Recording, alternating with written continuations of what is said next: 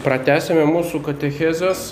E, tos katechezės dalis bu, jų buvo gyvai, o dalis e, yra YouTube internete buvo, reiškia, transliuojamos per internetą. Tai tiesiog nekartojant yra tolesnis tesinys apie Dievo tvėrėją ir tokia tvarinijos sritis kaip angelai.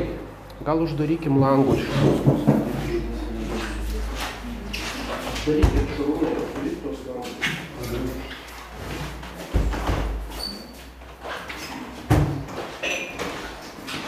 Kalbėjome apie geruosius angelus ir dabar yra tema apie piktasias dvasias arba, arba velnę.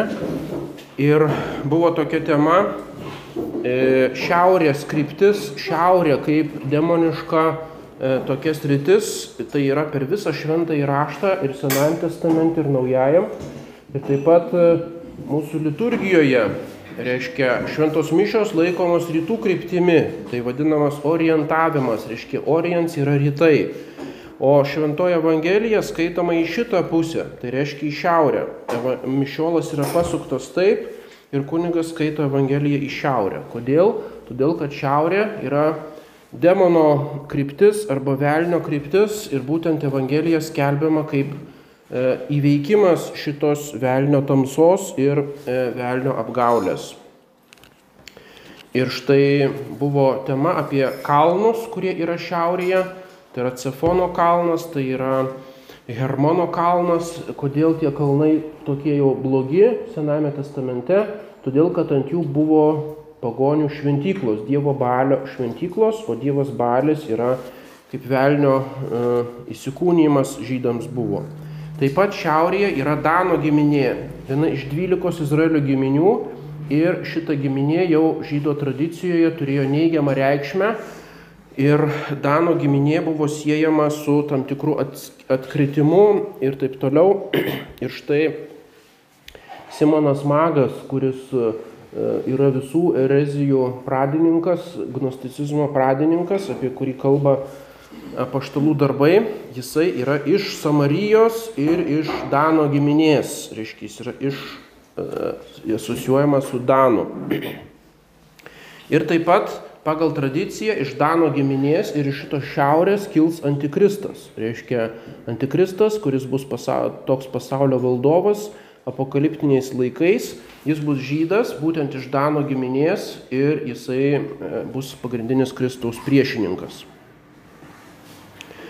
Toliau su šiaurės kryptimi siejasi toks, e, tokia tema Gogas Magogas kas tai yra Gogas ir Magogas. Ir šitą matom Senajame testamente ir Naujajam ir skaitom ir dažnai nesuprantam, kas čia dabar yra.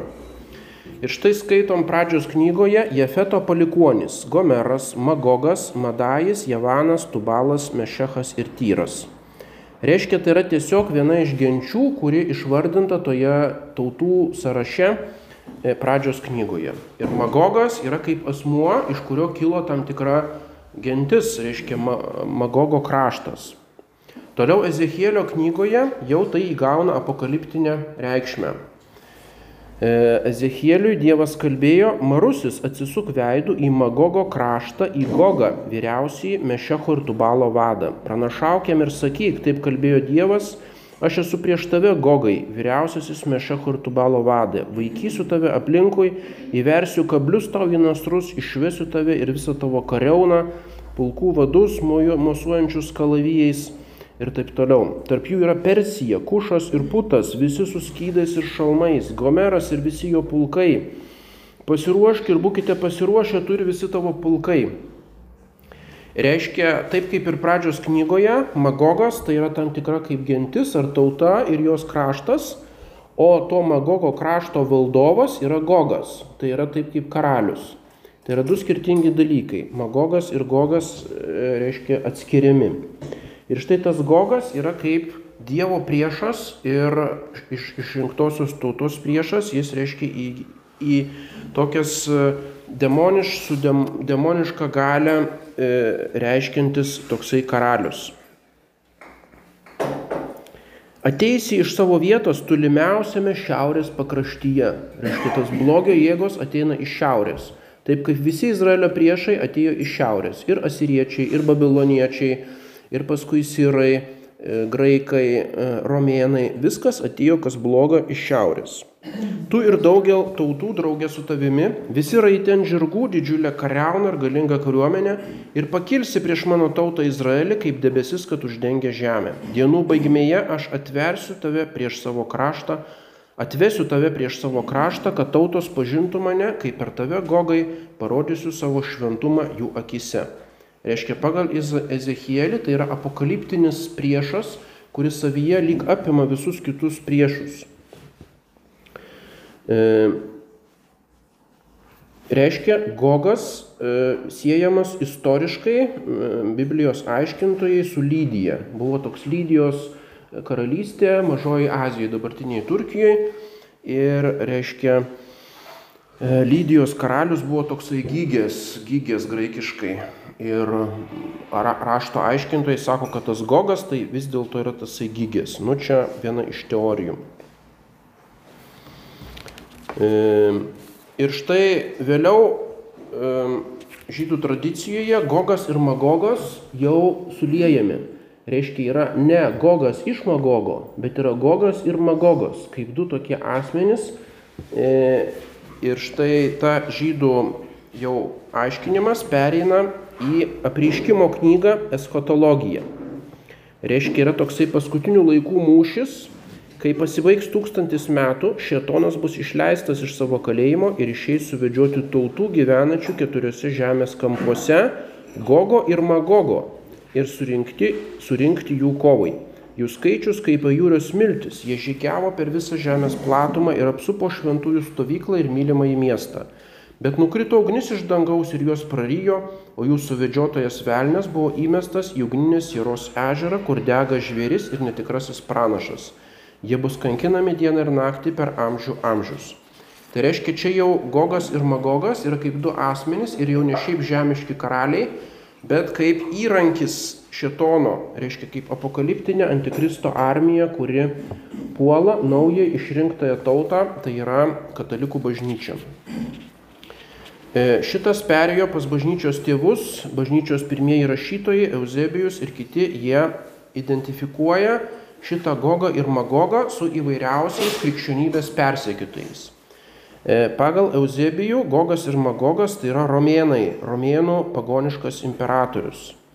Paskui romėnų ta imperija buvo pakrikštyta, reiškia jau yra jie geriečiai, jau jų negali taip vadinti.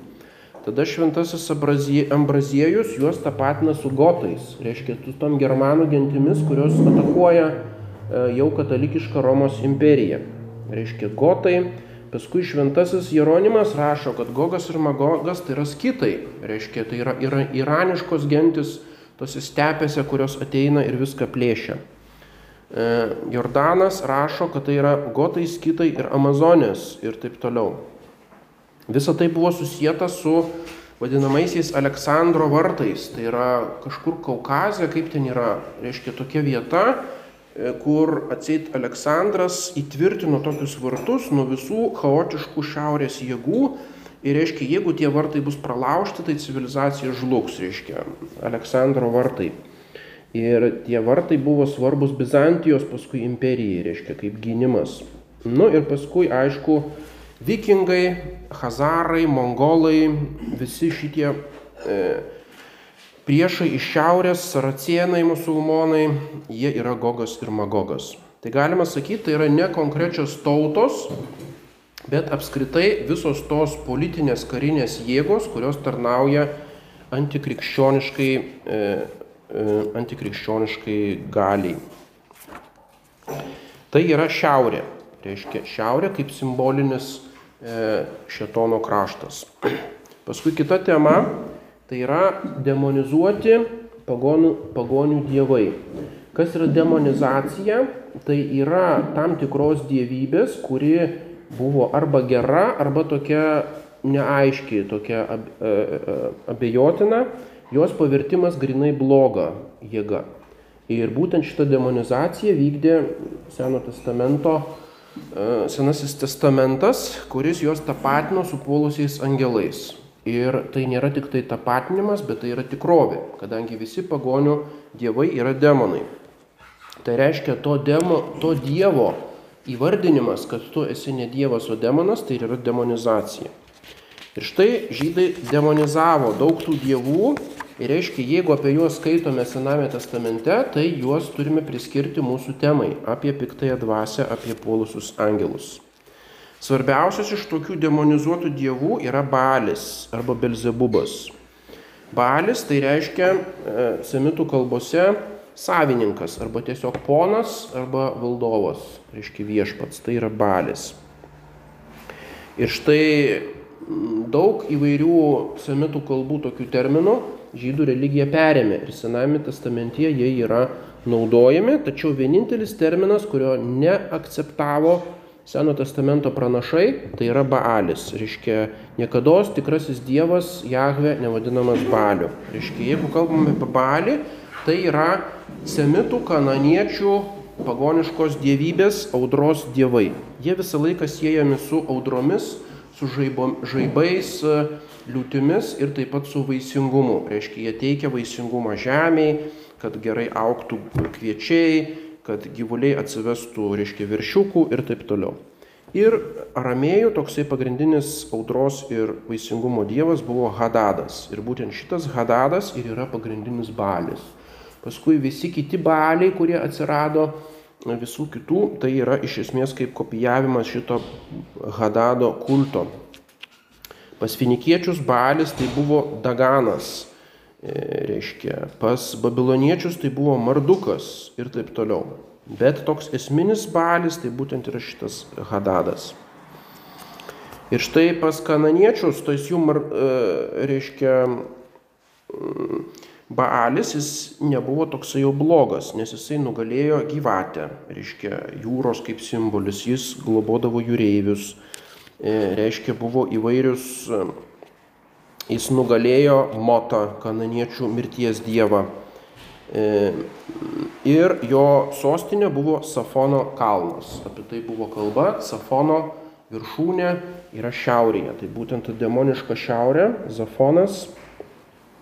Ir tenais buvo nuo seniausių laikų šventyklos, tokie iš akmenų pastatyti statiniai, būtent e, paskui jis romėnų vadintas Mons Kasijus.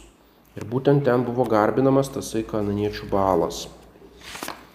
E, žydų vertinime visi tie teigiami aspektai jau dingo ir jis buvo aiškiai sutapatintas su, su demonu.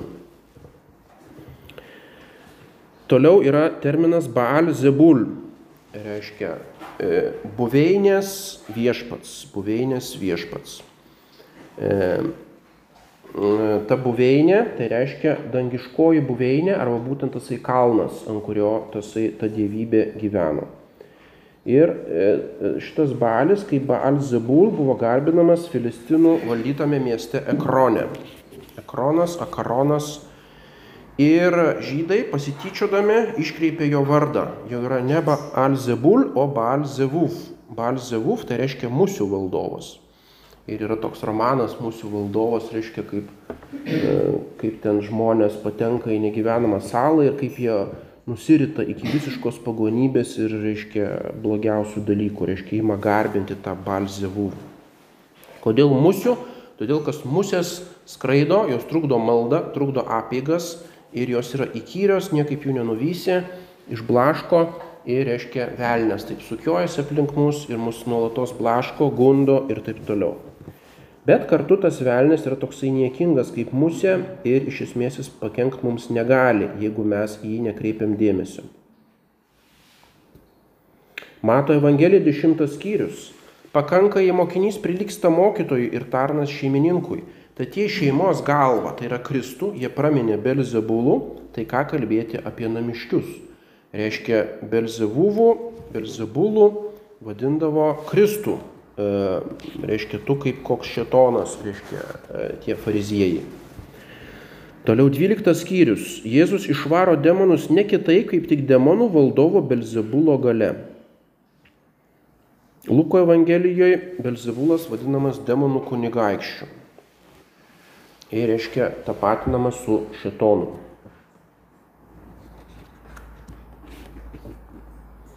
Antra karalių knyga. Ahabui mirus, Moabas sukilo prieš Izraelį, Ahazijas nukrito pro turėklus ir susižeidė. Tad jis išsiuntė pasintinius, duodamas nurodymus, nueikite pas Ekrono dievą Balzebubą. Ekronas būtent tas filistiečių dievas, pasiteirauti ir aš išgysiu ir iš šios negalios. Viešpatės angelas Elyjui kalbėjo, eik ir pasitikęs Samarijos karaliaus pasintinius, jiems sakyk, nejaugi nėra dievo Izraelyje, kad einate teirautis Ekrono dievo Balzebubo. Todėl, kaip viešpats kalbėjo, iš lovos, į kurią atsiguliai, neišlipsi, bet turėsi mirti. Ir tai pasakęs, Elijas nuėjo. Reiškia, Elijas, kaip tikrojo dievo pranašas, jis kovoja prieš tos netikrus dievus ir vienas iš tų dievų yra Ekrono dievas Belzebubas.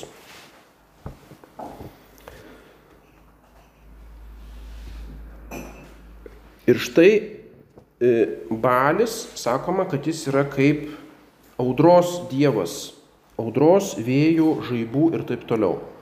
Ir kad nugalėti šitokį dievą, e, reiškia žydų Senojo testamento apologetika, koks jos tikslas, kad parodyt, kad audras ir žaibus valdo ne kažkokie baaliai, demonai, o valdo tikrasis dievas.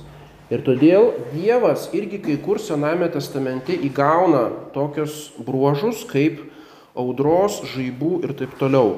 Dažnai kalbama psalmėse apie audras žaibus, tai ne todėl, kad jis kažkaip tai būtų e, supagoninamas Dievas, bet būtent jis parodomas kaip tikrasis gamtos stichijų valdovas e, ir e, tai būtent kaip apologetika arba specialiai nukreipta prieš Baalio kultą. Reiškia, būtent taip reikia suprasti. Jau Ugarito, reiškia, senuosiuose reiškia, tekstuose kananiečių balis vadinamas jojančių ant debesų.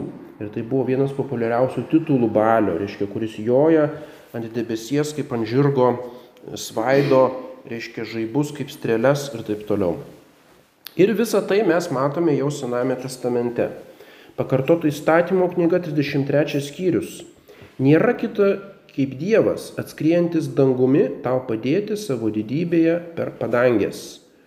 Nėra kito Dievo kaip Dievas ir kad išaukštinta Dievą ir parodyti jo galę, sakoma, atskrientis dangumi tau padėti savo didybėje per padangės, reiškia jis yra toksai jojantis ant debesų. 68 psalmė visų tautų žmonės gėdokite Dievui tam, kuris joja dangaus kliautų sukurtų pasaulio pradžioje. Reiškia, tas dangaus kliautas yra sukurtas, tai yra Dievo kaip sumeistrautas, reiškia, vežimas, į kurį jis paskui pats atsisėda ir keliauja kur nori. 104 psalmė. Iš debesų darai savo vežimą, keliauja ant audros sparnų. Vėjus imi savo pasiuntiniais, žaibų liepsnas savo tarnais. Izaijo pranašystė 19 skyrius. Viešpats keliaudamas ant greito debesies ateina į Egiptą. Ir paskui šitas titulas perkeliamas Mesijui, reiškia išganytojui Dievo, Danieliaus pranašystė 7 skyrius, vis stebėdamas nakties regėjimus, mačiau tarsi žmogaus sūnų. Tai yra pagrindinis, vienas iš pagrindinių Jėzaus titulų, kurį jis paima iš Danieliaus knygos, ateinantį dangaus debesimis. Jis priejo prie amžinojo ir buvo jam pristatytas. Reiškia, tas žmogaus sūnus atjoja arba ateina, atkeliauja dangaus debesimis reiškia kaip Balio, Šetono ar Luciferio nugalėtojas. Mato Evangelija 26 skyrius. Vyriausiasis kunigas jam tarė, priseigdinu tave gyvuoju Dievu, kad mums pasakytum, ar tu mesijas Dievo sūnus. Tai yra pats iškilmingiausias momentas e, kančios istorijoje. Ir Jėzus atsakė, tu tai sakai, bet ir aš jums sakau, Nuo šiol jūs matysite žmogaus sūnų sėdinti visagalio dešinėje ir ateinantį dangaus debesimis. Tai yra, wow, reiškia, žydams tai buvo absoliuti šventvagystė, reiškia, jis prilygina save šitam psalmių Izraijo, reiškia, Dievui viešpačiui, kuris keliauja debesimis, kuris yra, reiškia, bario nugalėtojas. Tai yra neįtikėtina. Ir vyriausias kunigas persiplėšė drabužius ir sušuko, jis pikdžodžiauja. Ir paskui, reiškia, tie protestantų arba racionalistiniai Biblijos aiškintojai tai sako, reiškia paskaito tos tekstus ir sako, žiūrėkit, kas yra žydų dievas. Tai yra tas pats, kas baltų perkūnas, tas pats, kas e, slavų perūnas arba šitas e, germanų, reiškia Votanas, tai yra tiesiog audrų, žaibų, reiškia toksai dievas. Tai visiškas yra nesupratimas tų vietų. Reiškia, kodėl apie tas vietas rašo, būtent tai yra konkurencija prieš balį. Ir tai buvo labai aktualu žydams ir tai visiškai nėra kažkoks supagoninimas ar primityvus įsivaizdavimas Dievo kaip audros, žaibų ar, reiškia, vėjo Dievo. Taigi Baalis yra demonizuotas. Jeremijo trečias skyrius.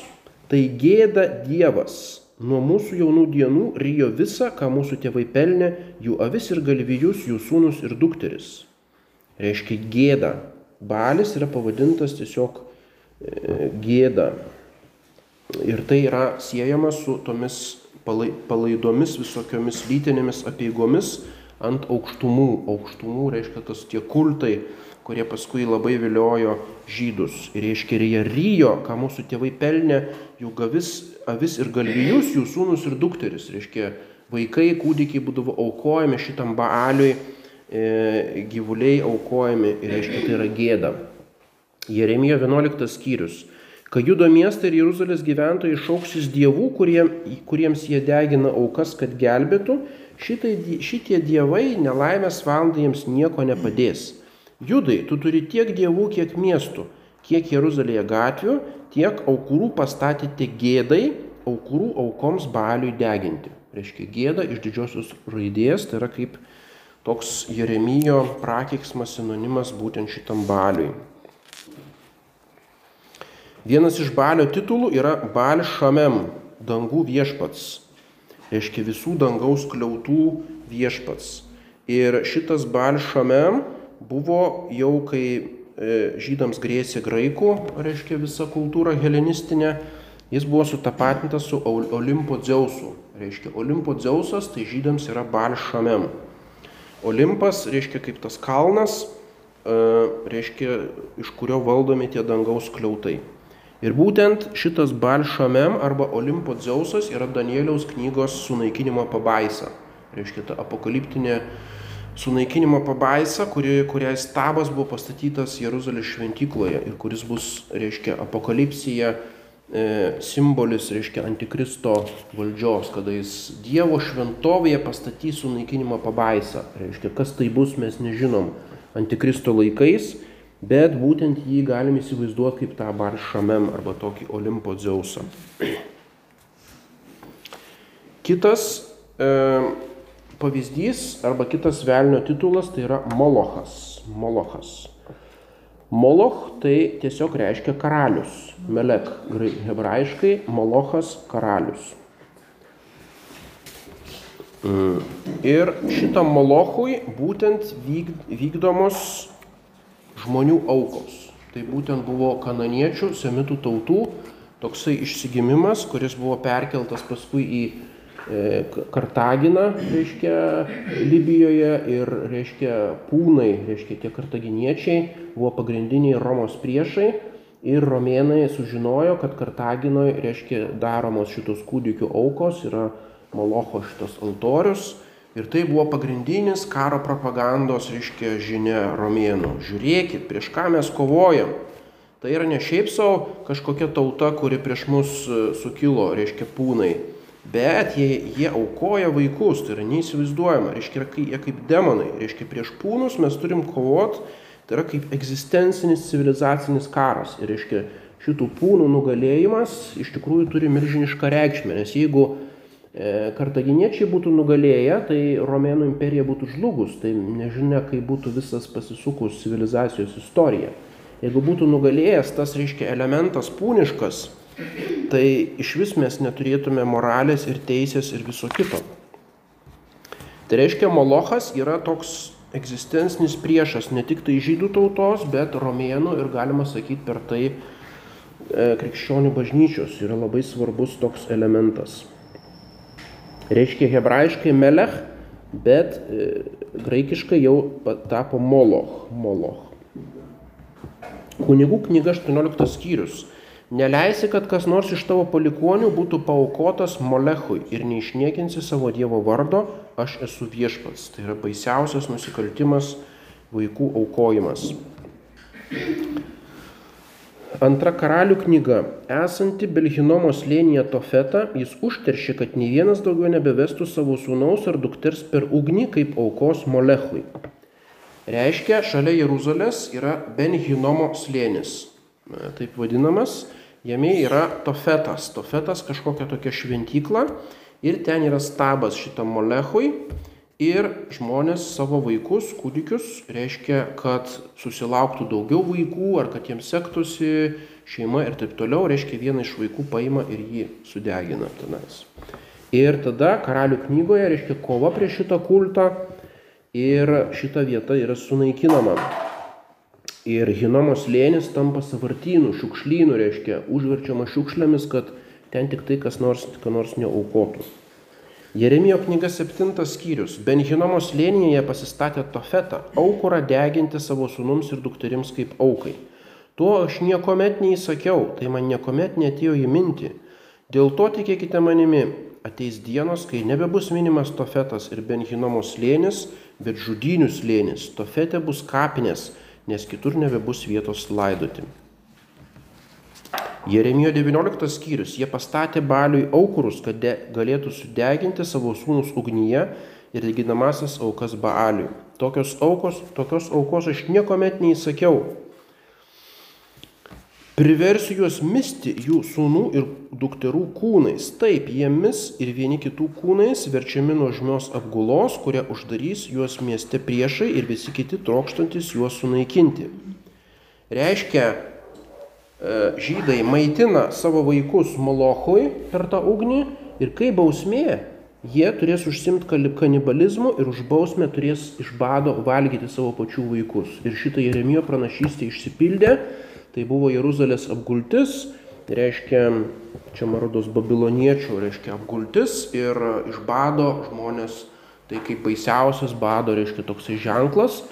Paskui lygiai tas pats buvo Jėzaus, po Jėzaus laikų, reiškia, žudysite savo vaikus ir dukteris, reiškia. Ką sako Jėzus toms gailestingoms moteriams, kurios, kurios reiškia, jį kryžiaus kelyje. Sako, verkite ne manęs, verkite savo vaikų, savo sūnų ir dukterų, nes romėnai apguls jūsų miestą, laikys visus metus, nebus ką valgyti ir tada savo vaikus valgėsit. Ir tai bus jums bausmė būtent už šitas e, vaikų aukas. Ir štai iš Ben Hinom slėnio pasidarė Naujam testamente žodis Gehena. Gehena reiškia, kur dega ugnis ir degina žmonės. Ir Gehena tapo kaip pragaro vienu iš pavadinimų. Reiškia, iš kur, kodėl pragaras vadinamas Gehena, tai va turim įsivaizduoti prie Jeruzalės šitą Benhinomo slėnį ir šitas vaikų aukas. Tai yra baisus dalykas.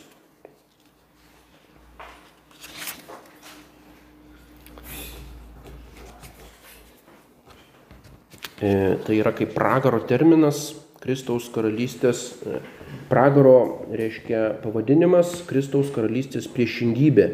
Joje naikinanti ugnis.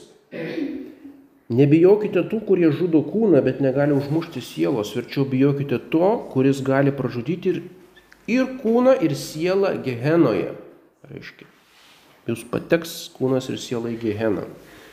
Jeigu tavo ranka gundo tave nusidėti, nukirsk ją, verčiau tau sužalotam įeiti į gyvenimą, negu su abiem rankom patekti į geheną, į negestančią ugnį. Tai va, jeigu mastom apie pragarą, tai įsivaizduokim šitą Hinamo slėnį. Mato Evangelija 23 skyrius. Vargas jums rašto aiškintų ir fariziejai. Jūs keliaujate per jūrą ir sausumą, kad laimėtumėte vieną naujatikį, kai toks atsiranda. O kai jis atsiranda, jūs padarote iš jo pragaro vaiką dvigubai blogesnį už jūs pačius. Gyvatės angių išperos, kaip jūs ištrūksite nuo pasmergimo į geheną.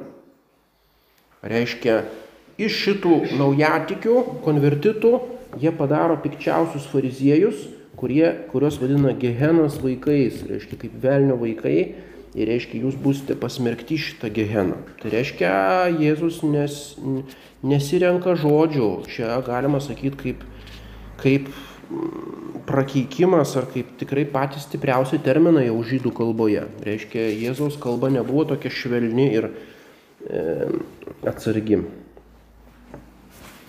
Kitas terminas velniui yra azazelis. Tai žinome iš Bulgakovo šitos knygos Meistras ir Margarita. Ta knyga tai laikoma tokiu kaip raganavimo ir demonologijos traktatu. Ir vieni sako, kad čia yra kaip satanizmo propaganda, o kiti sako, kad visiškai ne, o iš tikrųjų tai rodo realią šitai velnio jėgą, reiškia komunistinio ateizmo, ateizmo toje ideologijoje ir Jėzus vis dėlto yra pagrindinis veikėjas tenais. Bet tas velnės nepaprastai įspūdingas, tas Azazelis. Ir būtent kas yra Azazelis, tai yra tas pats, kas graikų satyras arba romėnų panas. Tai yra toksai dievas su ragais ir kanopomis ir uodega. Reiškia, jis turi kažką gyvuliško savyje. Tai gyvuliški elementai, kaip vaizduojame, e, reiškia ikonografijoje, tai būtent ir yra tasai Azazelis. Kunigų knyga 16 skyrius. Aronas atnašaus savo paties jauti kaip atnašą už nuodėmę ir atliks permaldavimą.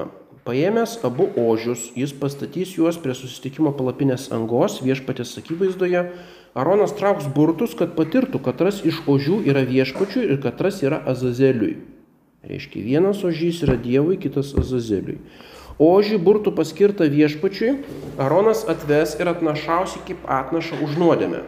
O ožys burtų paskirtas Azazeliui bus paliktas gyvas stovėti viešpatės akivaizdoje, kad per jį atliktų permaldavimą ir išvarytų jį Azazeliui į dykumą. Reiškia, tas demonas kažkur kaip dykumoje, alkanas ir ją nu, nu, nuvaro tą ožį ir kas ten su juo būna, nežinom. Tai va, ir iš čia kilo tas terminas atpirkimo ožys. Reiškia. Tai nereikia įsivaizduoti, kad tai yra kažkokia pagoniška ceremonija, o tai yra simbolinis aktas apsivalymo nuo nuodėmių. Reiškia, ant to ožio sukraunamos visos žydų nuodėmės ir jis išvaromas ten, kur tos nuodėmės priklauso, tai reiškia pas tą azazelį. Nu ir kadangi ožys su ragais ir kanopomis, tai reiškia pats azazelis irgi toksai vaizduojamas su ragais ir kanopomis. Iš čia yra ta velnio toksai vaizdavimas. Toliau kitas vardas yra Asmodėjus. Antra karalių knyga Babilono žmonės pasidirbo Sukot Benotą, Kuto žmonės pasidirbo Nergalą, Hamato žmonės pasidirbo Ašimą. Reiškia įvairių tautų šitie stabai. Ir štai Hamato kažkokios tautos vienas iš dievų yra Ašimas. Ir paskui graikų kalba jisai tapo Asmodėjus. Asmodėjus. Šitas Asmodėjus yra pagrindinis herojus to, Tobijo knygoje, kuri graikiškai parašyta. Medija atsitiko, kad Raguelio duk, duktė Sara turėjo klausytis vienos iš savo tėvo tarnaičių apkalbų. Mati buvo užtek, ištekėjusi už septynių vyrų, bet nedorasis demonas Asmodėjus buvo nužudęs vieną po kito jaunikius prieš jiems sueinant kaip vyrus su žmona. Nu tai yra nelaiminga moteriškė, septynis kartus tuokėsi ir visą laiką tas demonas Asmodėjus juos nužudo. Tai yra Ir Tobijo šeštas skyrius, angelo nurodymų, Tobijas nudobė užpuolusią žuvį, išima tulžį, širdį ir kepenis. Ir tada būtent tokia kaip irgi egzorcistinis e, ritas, panaudojant tos mirdančios, reiškia, tas e, substancijas, žuvies širdį ir kepenis reikia deginti, jų dūmais reikia smilkyti, kai vyras ir moteris yra demono ar piktos dvasios kankinami. Ir reiškia, tai yra egzorcistinė e, tokia reikšmė. Atsakydamas Rafaeliui Tobijas tarė, broli Azarijau, ar aš esu girdėjęs, kad ji jau buvo ištekėjusi iš septynių vyrų, tą naktį, kai nuėjo pas ją, jie mirė, bet to girdėjau žmonės kalbant, kad demonas juos užmuštė, užtar dabar bijau, demonas juos pavydė, todėl jie nieko piktą nedaro, bet kas tik artinasi prie jos, ją nužudo. Ir tada Tobijas degina šitą tulžį širdį ir kepenis, žuvies tvaikas taip atstumė demoną, kad jis pabėgo į tolimiausią Egipto užkampį. Bet Rafaelis sekė iš paskos ir ten jį tučto jau apkalė grandinėmis. Reiškia, Rafaelis yra gerasis angelas, yra arhangelas, rapolas ir jisai įveda egzorcizmo šitą ritualą. Egzorcizmo galiais nu, nuveja šitą asmodėjų į tolimiausią Egipto užkampį. Egiptas yra kaip pagonybės ir demoniškas toksai kraštas. Paskui dar yra toksai Samijaza, Samijaza arba Semijaza. Mm, Buvo nepaprastai populiarus demonas, reiškia, hebrajų kalba įvairiose apokrifinėse knygose. Ir jisai valdo šitos Grigorį. Grigoriai yra šitie stebėtojai. Stebėtojai, e, nu čia nesigilinsim, e, iš esmės tai svarbi tema, bet daugiau susijusi su kultūra, literatūra, ne tiek su teologija. Paskui kitas terminas yra dangaus karalienė. Jeremijo knyga 7 skyrius. Vaikai malkas rankioje, jų tėvai pakuria ugnį, o motinos minko tešlą paplotėliams dangaus karalieniai. Limlechet ha, Hashamajim. Reiškia, iš Melechet yra karalienė. Dangaus karalienė. Mane įskaudinti norėdami jie lieja geriamasias atnašas svetimiems dievams. Reiškia, tarptų demonų yra ir dangaus karalienė. Kas tai yra?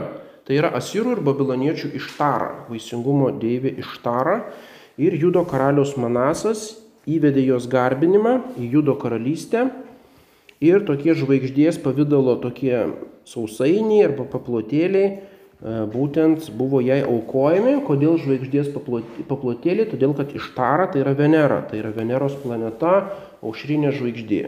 Reiškia, ir tada to žvaigždės pavydalo tokius blynus kepa ir jinai vadinama dangaus karalienė. Ir šita vieta tai yra populiariausias dalykas pas protestantus. Jeigu tik tai jums diskutuoti su e, šitais sekmininkais kokiais, sakys, atsiverskim Jeremijos 7 skyrių. Va, kepa paplotėlius dangaus karalieniai. O jūs melžiatės Marijai, statos Marijos statulas ir taip toliau. Nu tai čia yra iš viso. Reiškia, kaip išplėšti iš konteksto kažkokie, reiškia, žodžiai pritaikomi propagandai protestantiškai prieš Marijos kultą. Tai yra neįtikėtina. Antra karalių skyriaus 23 skyrius. Izraelio karalius Jošijas panaikino netikrus kunigus, kurie buvo judo karalių paskirti degintis milkalams.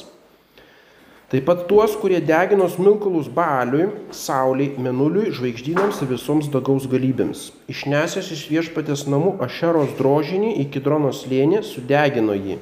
Sutrynė Ašerą į dulkes ir jos dulkes išbarstant paprastų žmonių kapų. Sugriovė šventųjų kekščių būstus, kuriuose viešpatės namuose buvo toje vietoje, kur moteris audė Ašerai aprangą. Ta Ašera irgi yra tokia kaip dangaus karalienė. Ir yra kitas toksai e, prietaringas paprotys audė ašerai aprangą. Ką tai reiškia, kažkokius tai gal rubelius toms tiems tabams darydavo, nežinom. Nu ir dar yra toksai demonas Lilita. Tai yra vienintelis e, e, Lilita, vienintelis moteriškas velnas, galima sakyti. Reiškia, nėra moteriškų gerųjų angelų, reiškia, gerieji angelai niekada nesijami su moteriškos giminės vardais arba kažkokia moteriška simboliška. Bet tarp piktųjų demonų atsirado vienas, kuris turi moterišką giminę. Izaijo pranašystė 34 skyrius. Tikynėje laukinės katės susitiks su hienomis, satyrai vienas kitam šūkaus, netgi Lilita ilsėsis ten, ji ras savo poilsio vietą. Reiškia, čia e, rupšys išverčia satyrai, o iš esmės tai ne, š- ne satyrai, yra ožiai. Reiškia, yra grinai gamtinė, gamtiniai aprašymai, o ne kažkokie tai mitologiniai satyrai. Reiškia, yra laukinės katės, hienos, ožiai ir tarptų visų gyvūnų laukinių Lilita ilsėsis ten, ji ras savo polisio vietą dikinėje. Reiškia, dykuma kaip demonų vieta. Ir kodėl dabar ta Lilita? Nu, tai čia yra, sakoma, tokia liaudės pasakojimų demonė, klaidžianti po dykumą. Vulgatoje yra šiek tiek kitaip. Et okūri demonija onocentauris. Vietoj hienų yra onocentaurus. Tai yra kažkoks pusiau žmogus, pusiau asilas. Mes matome, kaip vulgata perima iš septuagintos jau tokius mit- mitologizuotą terminą, e, kuris, kurio nėra hebrajiškam tekste.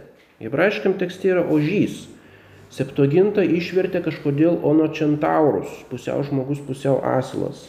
Ir paskui rupšys išvertė satyras, reiškia, nu, satyras su gyvūniškom kojom. Bet tai, yra, tai nėra kaip įkvėptam tekste mitologija, bet būtent klaidingas vertimas, galima sakyti.